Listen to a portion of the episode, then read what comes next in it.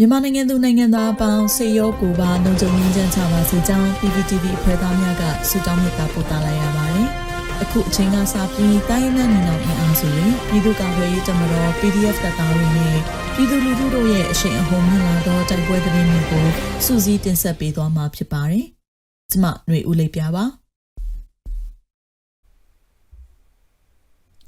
ပထမဦးစွာစကိုင်းမြို့နယ်တောင်ကြားရွာမှအနီးတိုက်ပွဲဖြစ်ပွားပြီးစစ်သား2ဦးသေဆုံးက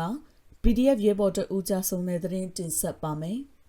စကိုင်းမြို့နယ်တောင်ကြားရွာသို့ထိုးစစ်ဆင်လာသောအကြမ်းဖက်စစ်တပ်စစ်ကြောင်းကိုဩဂုတ်လ28ရက်နေ့တွင်ဒေသခံကာကွယ်ရေးမဟာမိတ်အဖွဲ့များကကြားဖြတ်တိုက်ခိုက်ခဲ့လို့တိုက်ပွဲဖြစ်ပွားခဲ့ပြီးစစ်သား2ဦးသေဆုံးက PDF 2ဦးကြာဆုံးခဲ့ပြီးနောက်တောင်ကြားရွာအတွင်းသို့ဝင်ရောက်လာစဉ်ထပ်မံမိုင်းဆွဲတိုက်ခိုက်ခံရပြီးညအချိန်ကျေးရွာကိုမိရှို့ဖျက်ဆီးခဲ့ကြောင်းသတင်းရရှိပါသည်။ရင်းချမ်းဖက်စစ်တပ်သည်ဩဂုတ်လ29ရက်နေ့မွန်းလွဲပိုင်းတွင်ကျေးရွာကိုထပ်မံမိရှို့ဖျက်ဆီးစဉ်ကာကွယ်ရေးတပ်ဖွဲ့များကဝင်ရောက်တိုက်ခိုက်ပြီးနောက်ထိခိုက်ဒဏ်ရာရရှိမှုများရှိကကျေးရွာအတွင်းမှဆုတ်ခါသွားကြောင်းသိရှိရပါသည်။ ရွှေကျင်မြို့နယ်စစ်ကောင်စီတပ်ဤတန်းစိတ်စခန်းကို KNL တိုက်ခိုက်သိမ်းပိုက်တဲ့တဲ့ရင်ဆက်လက်တင်ဆက်ပါမယ်။ပဲခူးတိုင်းရွှေကျင်မြို့နယ်တန်းစိတ်မင်းလန်းကြီးရွာရှိအကြမ်းဖက်စစ်ကောင်စီစခန်းကို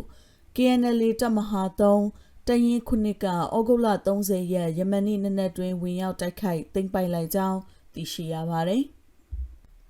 KNL တပ်မဟာ3တရင်ခုနှစ်တပ်ဖွဲ့များက တန်ဆိတ်စခန်းကိုတိုက်ခိုက်သိမ်းပိုက်ပြီးနောက်လက်နက်ခဲယမ်းသိမ်းဆည်းရရှိမှုနှင့်စစ်ကောင်စီတပ်အသေးဆုံးစီးရင်ကိုတရားဝင်ထုတ်ပြန်ခြင်းမရှိသေးပါဘူး။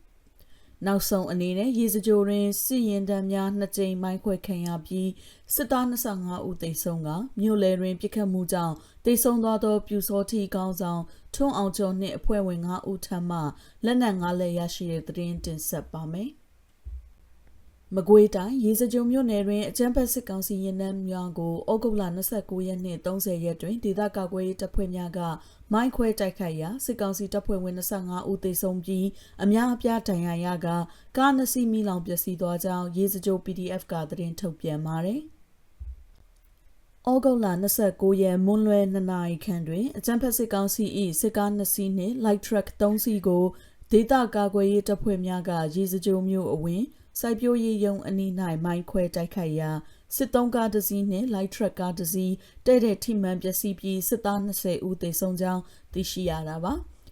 ဩဂုတ်လ30ရက်နေ့လယ်တွင်အဆိုပါစိုက်ပျိုးရေးယုံအနီး၌မိုင်းရှင်းလင်းရေးလုပ်နေသောစစ်ကောင်စီတပ်ဖွဲ့ကိုဒေသကာကွယ်ရေးတပ်ဖွဲ့များက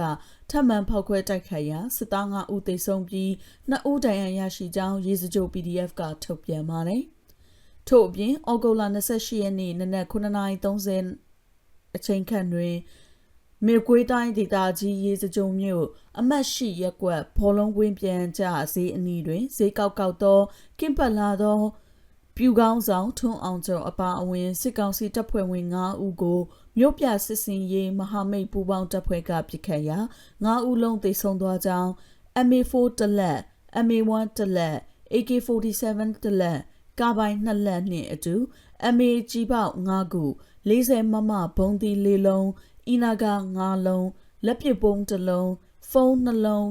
တင်ဆက်ရရှိခဲ့ကြောင်းသတင်းထုတ်ပြန်ခဲ့ပါတယ်